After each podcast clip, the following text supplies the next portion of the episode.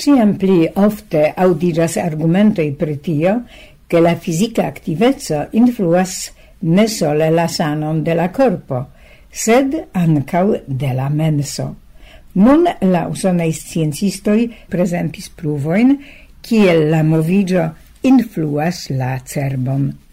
Iliei esplori el montris, che cia muscoloi activas, ili eligas tre multain substanzoin, kiui trafas al diversei locoi en la organismo, inclusive de la cerbo.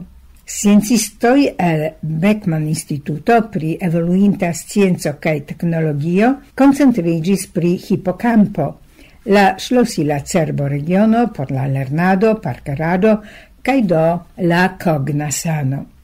La kunaŭtoro de la rilata publicajo en la periodajo Neuroscienco, kiun li informis che li cae liei collegoi bredis en la laboratoriei condicioi musculceloin de muso, che ciam ili maturigis, ili extractis la productatain de ili substanzoin.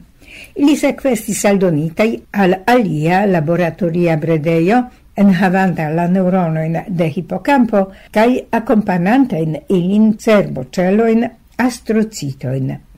La aldonitai extractitei muscol substanzoi causis che la neuronoi comencis producti pli fortein cae pli oftein electrain impulsoin.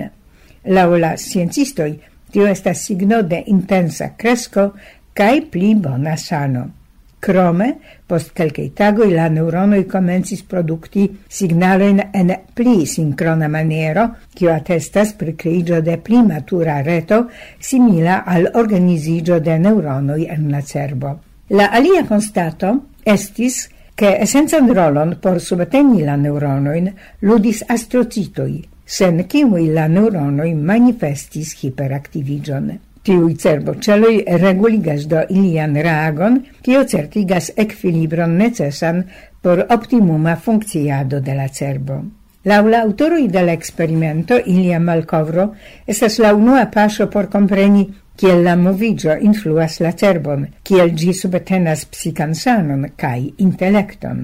La malkovro povas havi ancau praktikan rezulton en la formo de pli efficai exerzoi, helpantei en cognoperturboi, kiel kaze de Alzheimer malsano.